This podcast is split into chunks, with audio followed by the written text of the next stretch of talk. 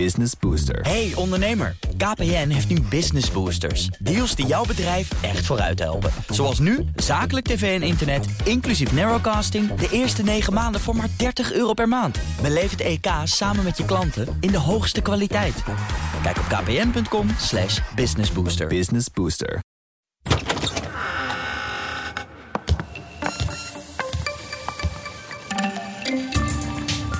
Ja, trouwe luisteraars van Nieuwsroom die horen ineens een kraak in de deur en voetstappen. Die zijn opgenomen in de wandelgangen rond het Binnenhof. En trouwe luisteraars van Project Binnenhof die horen ineens de begintune van Nieuwsroom daardoorheen. Want vanaf vandaag gaan we onze krachten bundelen. Wij noemen dat Nieuwsroom Den Haag. En als je dus geabonneerd was op Project Binnenhof... dan verandert eigenlijk helemaal niet eens zo heel erg veel. Krijg je voortaan gewoon elke vrijdag automatisch... de nieuwste aflevering van Nieuwsroom Den Haag. En als je geabonneerd was op Nieuwsroom... dan verandert eigenlijk ook niet zo heel veel. Krijg je nog steeds vijf podcasts per week. Alleen op vrijdag heet die voortaan Nieuwsroom Den Haag. Ik ben Mark Beekhuis en ik maak deze podcast samen met Laurens Boven en Sophie van Leeuwen. Hey Mark. En we noemen het Den Haag, maar we zitten in Amsterdam vandaag. In jouw podcaststudio? In ja, de BNR podcaststudio. Ik heb maar de halve dag. Maar het gaat over de Haagse wandelgangen. Het gaat precies over de Haagse wandelgangen waar jullie de hele week in rondhangen. Jullie nemen verhalen mee over wat je hebt meegemaakt in de afgelopen week? Ja, dat is het idee. Laten we misschien ook eerst ons nog even verontschuldigen voor de vaste luisteraars van Project Binnenhof. Ja, dat ze dus al zonder. Een maand lang zonder nieuwe uh, podcasts hebben moeten doorkomen. Krijgen wel klachten. Wij hebben dus een nieuwe podcast bedacht. Um, omdat wij eigenlijk ook continu op zoek zijn naar nieuwe vormen. We hebben het afgelopen jaar dus een podcast gemaakt waarbij we steeds politici spreken over nou ja, wat er die week gebeurd is. Dat we heel erg vanuit standpunt en door de ogen van die politicus willen begrijpen hoe het Binnenhof werkt. Waarom debatten bepaalde richtingen opgaan. Waarom akkoorden op een bepaalde manier gesloten zijn. Hoe dat ook ging achter de schermen. Ik zie aan je ogen dat je nu al genoeg hebt van mijn verhaal. Maar nou, we gaan ik het denk dus dat gewoon iedereen die podcast vertellen. kende, maar die is er nu niet meer. Juist. We En gaan we gaan nu iets anders doen. doen. En nu gaat het meer, eh, is in ieder geval mijn idee, over hoe jullie door die, gang, eh, door die gangen lopen en hoe, hoe eigenlijk een politiek journalist werkt. Ja, over ons leven daar. Elke dag weer met die, met die politici in die gangen. En dat gefluister. En eh, de Haagse kaastop. What happens? En ik spreek de Laurens eigenlijk de hele week niet. Want wij missen elkaar voortdurend. Omdat we verschillende dossiers hebben. Dus dan zit ik weer op financiën. En dan zit jij weer bij eh, klimaat. Ik heb geen idee wat jij doet, Laurens, de hele Het wordt week. ook een soort bijpraat, bijpraatsessie voor jullie beiden. Ja, een kopje koffie wel. op vrijdag. Dat zouden we eigenlijk op dinsdag doen. Maar dat lukt niet. Dat is één keer gelukt. Ja. Dus we dat hebben doen we nu overigens geen koffie gekregen van je, Mark. Als jullie nou even beginnen met het eerste verhaal, haal ik straks even koffie. Haal jij koffie voor ons? Ja. ja. Wat is het? eh, zullen we bij jou beginnen, Sophie? Bij mij, ik doe dus financiën en ook sociale zaken met Koolmees. Het was een beetje eh, de week van de hoop op het ministerie van Financiën. Want De Belastingdienst. We hebben twee nieuwe, ja, schitterende figuren. Die zijn eh, met de rode loper binnengehaald eh, de afgelopen week. Die alle problemen moeten gaan oplossen. En eh, ik en al die andere journalisten, wij werden dus gemaild, geappt, gebeld. Kom je langs? Want Alexandra van Huffelen, die gaat naar het torentje. Nou, de minister-president heeft gevraagd of ik staatssecretaris wil worden van Financiën voor toeslagen en douane. En als de koning mij morgen gaat beëdigen, dan ga ik dat heel graag doen. Hans Velbrief. Die gaat de Belastingdienst doen. U staat hier nu, net een handtekening gezet op het ministerie van Financiën. Fris. Ik kijk gewoon fris naar de organisatie natuurlijk. Want ik bedoel, ik ben fris in, die, in deze baan. Ze mochten naar de koning. Vervolgens moest er een handtekening gezet worden met Wopke Hoekstra op het ministerie van Financiën. En elke Ah, keer krijg je een appje of een mailtje Kom je van langs, kom erbij, kennis maken. En laat zien hoe geze- gezellig het hier is en wat een geweldig team wij zijn. Dus eh, dat was ja, feest met eh, applaudisserende ambtenaren. Eh, en opeens een heel, heel ander eh, beeld natuurlijk van ja, de tragische laatste weken van Menno Snel. Die moest aftreden in de toeslagenaffaire. Dat is normaal nooit zo met zoveel toeters en bellen en openbaar en toch deze Ja, is dat zo? Want ik heb dat nog niet eerder meegemaakt, maar ik vond het wel. En met bloemen erbij. En, ja, Nee, en, ik kan en me, nou, ik kan me geweldig- herinneren van, van toen het kabinet aantrad. Eh, dan heb je overal heb je dan de machtsoverdrachten hè, op de ministeries. Dat de oude minister zet een handtekening en dan de nieuwe minister. En dan is de nieuwe minister is dan de baas. Da- daar was dan wel pers bij. Daar ben ik ook bij geweest bij een paar ministeries. Maar dat zeg maar, als er tussentijdswisselingen zijn, dan gaat het vaak een beetje met stille trom. Zo van nou, de oude is weg. Niemand heeft hem zien gaan. Zo. Ja. En de nieuwe wordt zo via de. Nou, die komt gewoon binnen en die is er opeens. Ja, ik denk dat ze ons heel duidelijk wilden laten zien, en de, en de hele buitenwereld en jullie luisteraars, dat het allemaal goed gaat komen bij de Belastingdienst. En Wopke Hoekstra, die heeft het natuurlijk ook georganiseerd, was ook heel blij dat hij het niet meer hoeft te doen. Want ja, Er vanaf. dan, Weggeschoven. Want hij heeft nog één debat mee, hè, meegemaakt. Ja. wat, wat toch heel, Heeft heel iemand vreselijk was. Waar, waarin hij toch en Rutte het gezicht werden van die hele toeslagentoestanden. Heeft nou eigenlijk iemand nog uitgelegd eh, waarom D66 dus al een week geleden, of een week voor de benoeming, al deze, deze namen rond had? En waarom ze dus nog niet al vorige week benoemd waren? Nou, ze hebben dat natuurlijk lopen eh, eh, traineren om eh een debat met Wopke Hoekstra en Rutte eh, te kunnen hebben en hen te dat beschadigen. hebben ze ook gezegd inmiddels. Dat, we- daar, zijn, daar hebben ze ook verteld. Nou, dat is wat ik achter de schermen Ja. hoor. Ehm, maar goed, eh, tegelijkertijd eh, ze- zeggen ze dan ook... ja, maar ze moesten nog ge- helemaal gecheckt worden. Hè, dus eh, heb je geen financiële belangen? Ben je chantabel? Dus ze gooien... Heb je misschien een schuld bij de Belastingdienst?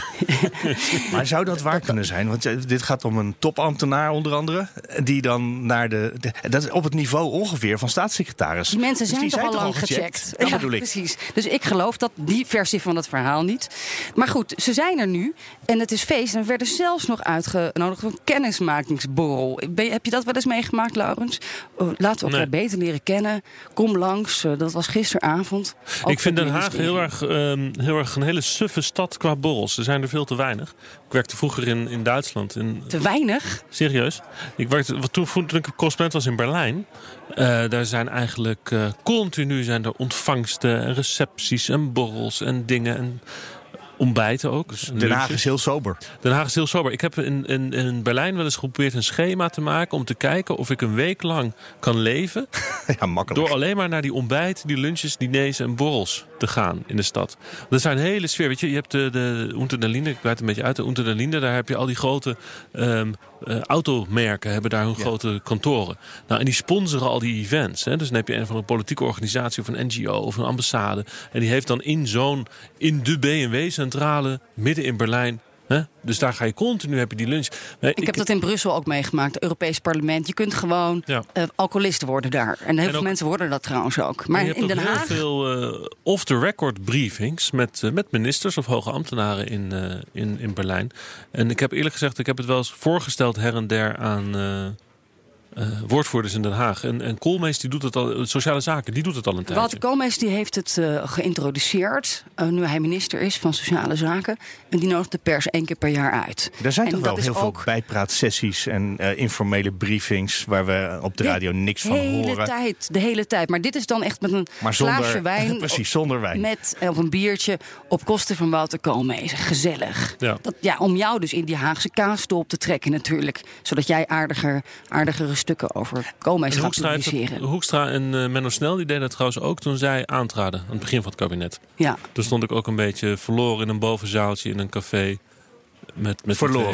twee, eh, ja, want Ja. Dat, die, dat café was veel te groot. Oh, oké. Dus dan sta je daar in, een beetje in de zijkant van zo'n zaaltje. Het is natuurlijk allemaal een beetje ook om te maskeren dat er natuurlijk helemaal niets gaat gebeuren. Want eh, de mevrouw van de toeslagen van Huffelen en de vuilbrief van de Belastingdienst.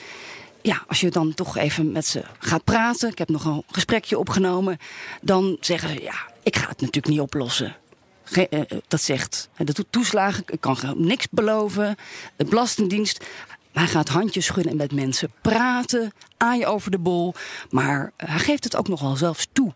Ik ga dit niet oplossen in anderhalf jaar. Maar ik vind het wel zo belangrijk om dit ook echt eh, nou ja, te proberen op te lossen. Om hiermee aan de slag te gaan. Anderhalf jaar. Is dat genoeg? Nee, natuurlijk niet. Nee, natuurlijk niet. Wel voor de basis, maar niet voor het echte werk. Dus je zei net, het is de week van de hoop. Is het Ja. dan de week van de valse hoop? Valse hoop en doorschuiven naar het volgende kabinet. Ik heb maar één ambitie, is deze klus goed doen. En dat is geen politiek praatje, dat meen ik serieus. Daar ben ik voor gekomen. Maar wilt u hem ook afmaken? Ik ga, ik ga hem afmaken. Ik ben wel gek. Tuurlijk ga ik hem afmaken. En dan door, door naar de tweede termijn. Nee, niet naar de tweede termijn. Daarna zien we wel. Begon hij heel hard te lachen. Zei hij, nou dan ga ik misschien wel weer terug naar Brussel. Oh, Ik ben 56, hè. Misschien ga ik wel in de zon zitten ergens. Ik zit toch nog heel even, want jij zei net, we hebben te weinig bijpraatsessies. Maar jullie weten wel allemaal van dit soort dingen over wat er gebeurt. Dus jullie komen ze wel tegen, toch? Ik bedoel, Het klinkt nou net alsof er... eh, ja, er wordt niet gedronken misschien en niet gegeten. maar er wordt wel heel veel geouwe hoerd in al die wandelgangen. Ja, en ook eh, tussen de middag vaak met een broodje eh, kaas en een glaasje karnemelk. Mag je Karnemelk. ook wel eens langskomen. Ja. En, En op dan- vrijdagmiddag koffie met de premier, begreep ik. Kopje koffie met de premier na de persconferentie.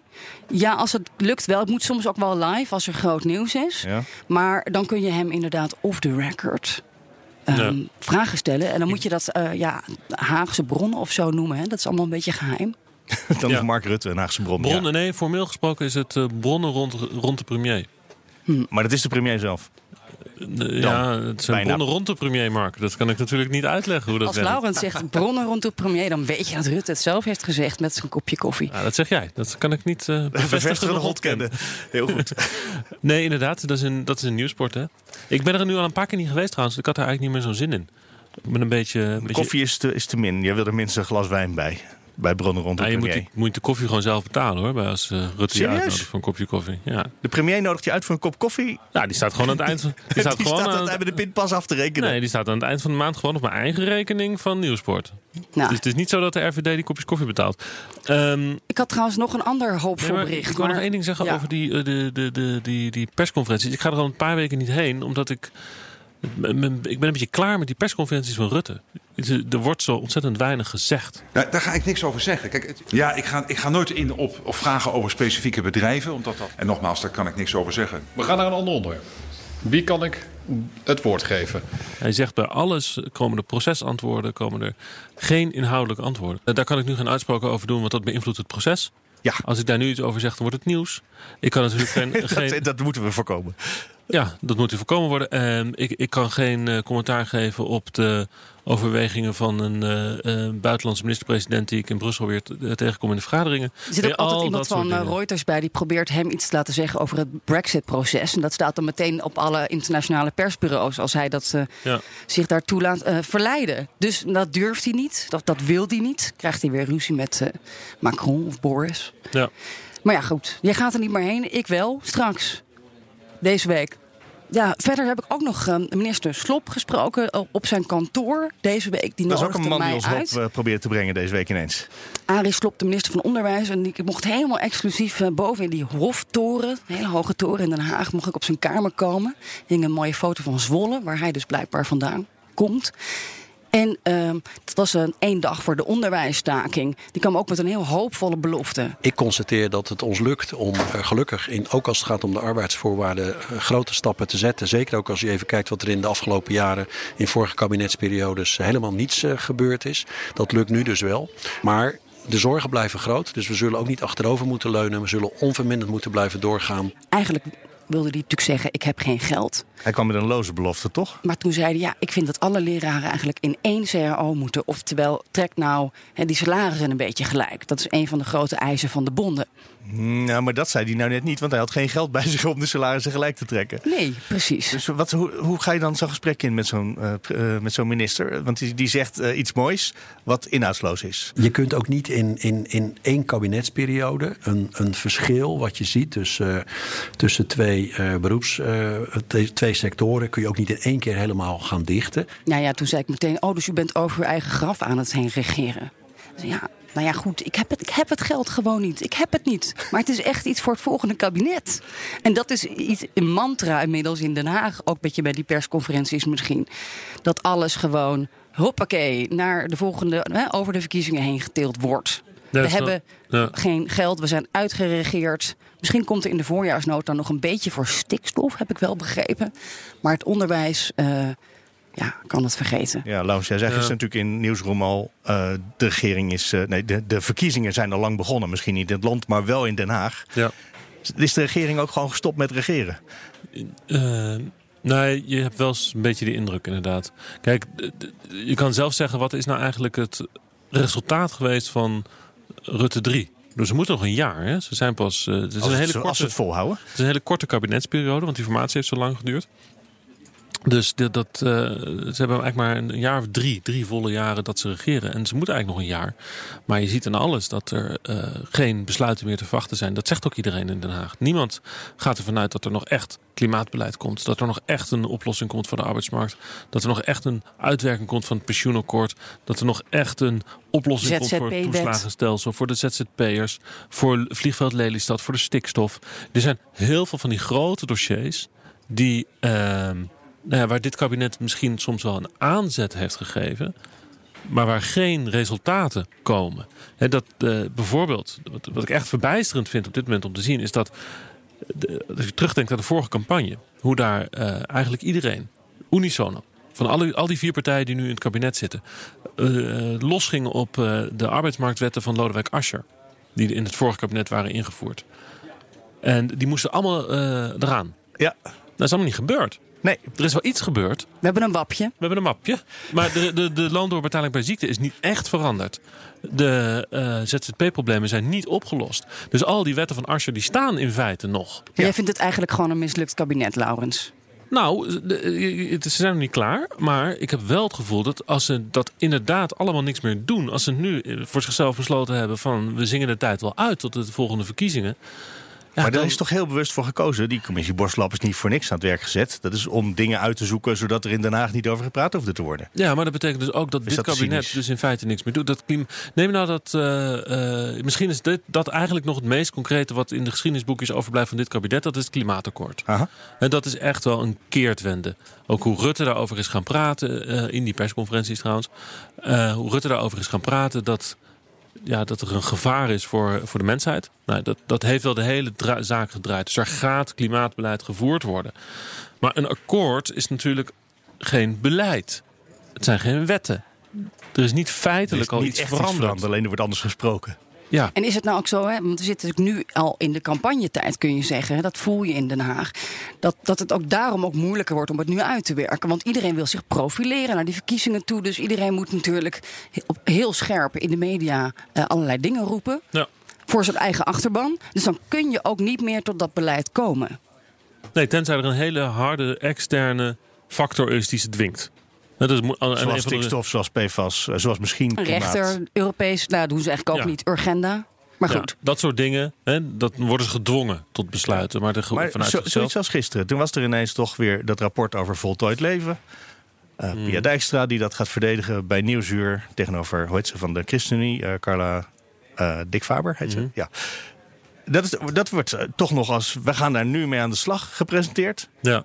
Maar, ja, weet je... maar jullie zeggen eigenlijk dat is voor de, voor de bühne Een enorme verkiezingsballon, volgens mij. Van ja. D66. Ik vind wel dat het. Uh, D66 is, is een beetje pissig op Hugo de Jonge. Omdat dat rapport nu pas komt. En uh, dit is afgesproken in de uh, kabinetsformatie. Dat dit onderzoek naar het in kaart brengen van, het, van, van hoeveel mensen en wat willen die dan precies die, die een doodswens hebben. Om dat in kaart te brengen. Dat is afgesproken in de formatie. Omdat D66 eigenlijk een initiatiefwet wil indienen. Uh, die het mogelijk maakt. Het recht Ja. op een uh, levenseinde, vrijwillig levenseinde. En ehm, nou, dat was natuurlijk te ingewikkeld voor de andere partijen, de christelijke partijen. Vandaar dat dit als een soort zoethoudertje was gepresenteerd. En is afgesproken van je komt pas met je initiatiefwet na dit onderzoek. Eerst willen we het in kaart gebracht hebben. En, het dus CDA heeft zich gewoon eh, heeft het zo handig mogelijk gespeeld als ze gelukt, als ze konden. Ja, Hugo de Jonge die was er natuurlijk alles aan gelegen om dat onderzoek zo laat mogelijk eh, af te leveren. Terwijl D60 er eigenlijk al een jaar zit te emmeren eh, van eh, schiet nou eens op met dat onderzoek. Hmm. En het was een heel groot onderzoek, dus het heeft ook heel veel tijd gekost. Want ze hebben eh, 20.000 eh, mensen ondervraagd. Dus het is echt een heel groot onderzoek. En dan gaat er dan nu nog worden ges- Want we, gaan, we zijn natuurlijk nu, eh, je, je zegt het net, niks aan het doen in Den Haag. Dan Ja. ga- gaat er überhaupt nog over gestemd worden? Nou ja, één ding nog. Ehm, Hugo de Jonge heeft dat onderzoek pas in opdracht gegeven in 2018. Ja, die heeft gewoon ook gewacht. Dus het is niet het eerste geweest wat hij is eh, toen hij minister werd in 2017. Eh, gaat er over gestemd worden? Nou, dat is. eh, Komt die wet er überhaupt? Want die wet moet ingediend worden eerst nog, toch? Die is misschien wel geschreven in klad. Maar nog niet ja, helemaal hij moet- ingediend. hij is procedure en hij allemaal moet nog door. verfijnd worden. Hè? Want kijk, Pierre Dijkstra kan natuurlijk ook dat onderzoek niet helemaal negeren. Dus hij zal natuurlijk iets nog met dat onderzoek moeten om. Eh, eh, nou, dus er, er moet nog wat geschreven worden en dan wordt die ingediend. En dan krijg je natuurlijk nog hoorzittingen. Dus dit is een, een heel ingewikkelde wet. Dus hier gaan ze echt heel uitgebreide tijd nemen. Het is nu eh 31 januari.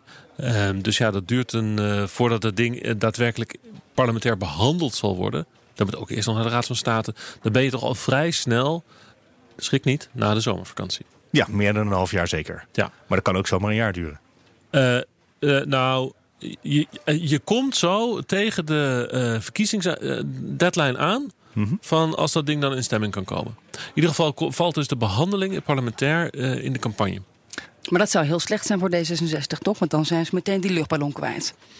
Ja, aan de andere kant, je kan, je kan dus laten zien dat er dus een, een, een. Voor hun is het een heel belangrijk onderwerp. Het is een heel principieel punt. Eh, en Pierre Dijkstra is een heel po- populair ehm, Kamerlid. Bij de kiezers ook. Dus, dus het kan ook gunstig zijn voor hun om Ja, dit kan, in de kan campagne je, te zie jij meerderheid hiervoor? Dat is heel ingewikkeld. Ik weet het niet. Ik, de algemeen, mijn gevoel gisteren, ik was gisteren aan het rondwandelen in de Tweede Kamer over, deze, ehm, eh, over dit onderzoek. En eh, ja, zelfs bij de partijen waarvan je zou verwachten dat ze hier dus voor zijn, hè, voor zo'n recht op vrijwillig leven zijn, dus VVD, GroenLinks, PvdA. eh, daar wordt ook gezegd van nou, de, het is ingewikkelder geworden nu. Met dit onderzoek. Die vinden het een belangrijk onderwerp, maar misschien dat ze er in de campagnetijd die al begonnen is, daar hun vingers niet aan willen branden. Als het niet moet. Oh, dat zou ook nog eens kunnen. Het, kijk, eh, het probleem is gewoon inhoudelijk. Mhm. De- In dat onderzoek is vastgesteld dat eh, eigenlijk in alle gevallen van mensen die een doodswens hebben, dat daar een sociaal probleem achter zit. Ja, maar daar hoorde ik toch ook de kritiek op dat de verkeerde groep was onderzocht. Want de wet gaat over 75 plus en er is in, de, in het onderzoek gekeken naar 55 plus. De groep is, eh, de, de voorstanders van dat recht op vrijwillig levenseinde, die zijn eigenlijk in verwarring nu. Want die zeggen van wacht even, er zijn toch eh, eh, honderdduizend mensen lid van de, vrij, van de vereniging voor een vrij, vrijwillige levenseinde. Voor, die heet anders, maar goed. Ja. De- de- en er zijn toch honderdduizend eh, ha- handtekeningen gezet onder een petitie. Dus waar zijn al die mensen dan? Hoe Ja, kan het nou dat hoe er... kan het dat die onderzoekers die niet hebben kunnen vinden? Ja, dus eh, daar is verwarring, daar is onzekerheid. Maar dat Zou- betekent dus ja. ook dat die steun natuurlijk dan wel onzekerder wordt. Want er gaan toch mensen twijfelen. Al van, die maar mensen zijn wel lid. Die, en die leven ook nog met de huidige wet. Wat natuurlijk een mo- Kijk, deze, men, deze mensen hebben onderzocht of er mensen zijn met een doodswens. Als je eh, bijvoorbeeld je kan voorstellen dat je in de toekomst het recht wil hebben om op je eigen manier eruit te stappen, dan heb je nu nog geen doodswens. Maar dan kan het zijn dat je hem over 20 jaar hebt. Toch? Althans, dat vind je nu, dat je hem hebt over 20 jaar. Nou, dat je er in ieder geval rekening mee houdt dat dat zomaar volgend jaar zo kan zijn. Ja, en nu is het natuurlijk mogelijk dat die mensen die dat van zichzelf zeggen, dat ze over 20 jaar het recht willen hebben Ja. om eruit te stappen, dat die over 20 jaar, even fast forward in de tijd, dat helemaal niet hebben. Die wens om eruit te stappen.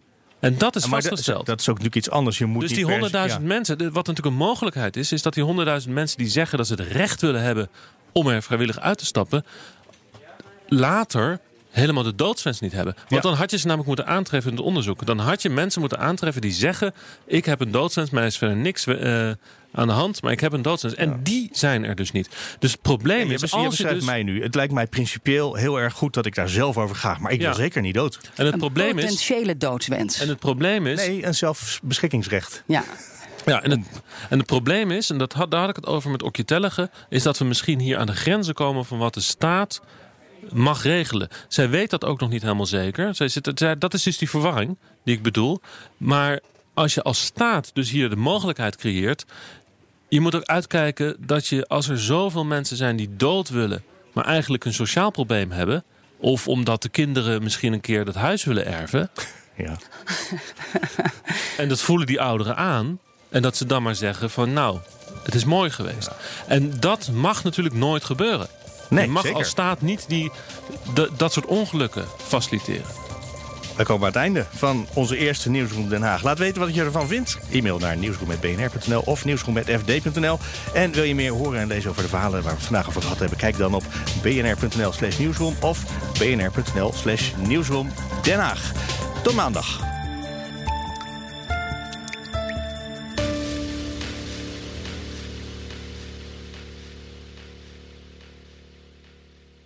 Business Booster. Hey ondernemer, KPN heeft nu Business Boosters. Deals die jouw bedrijf echt vooruit helpen. Zoals nu, zakelijk tv en internet, inclusief narrowcasting... de eerste 9 maanden voor maar 30 euro per maand. Beleef het EK samen met je klanten in de hoogste kwaliteit. Kijk op kpn.com businessbooster. Business Booster.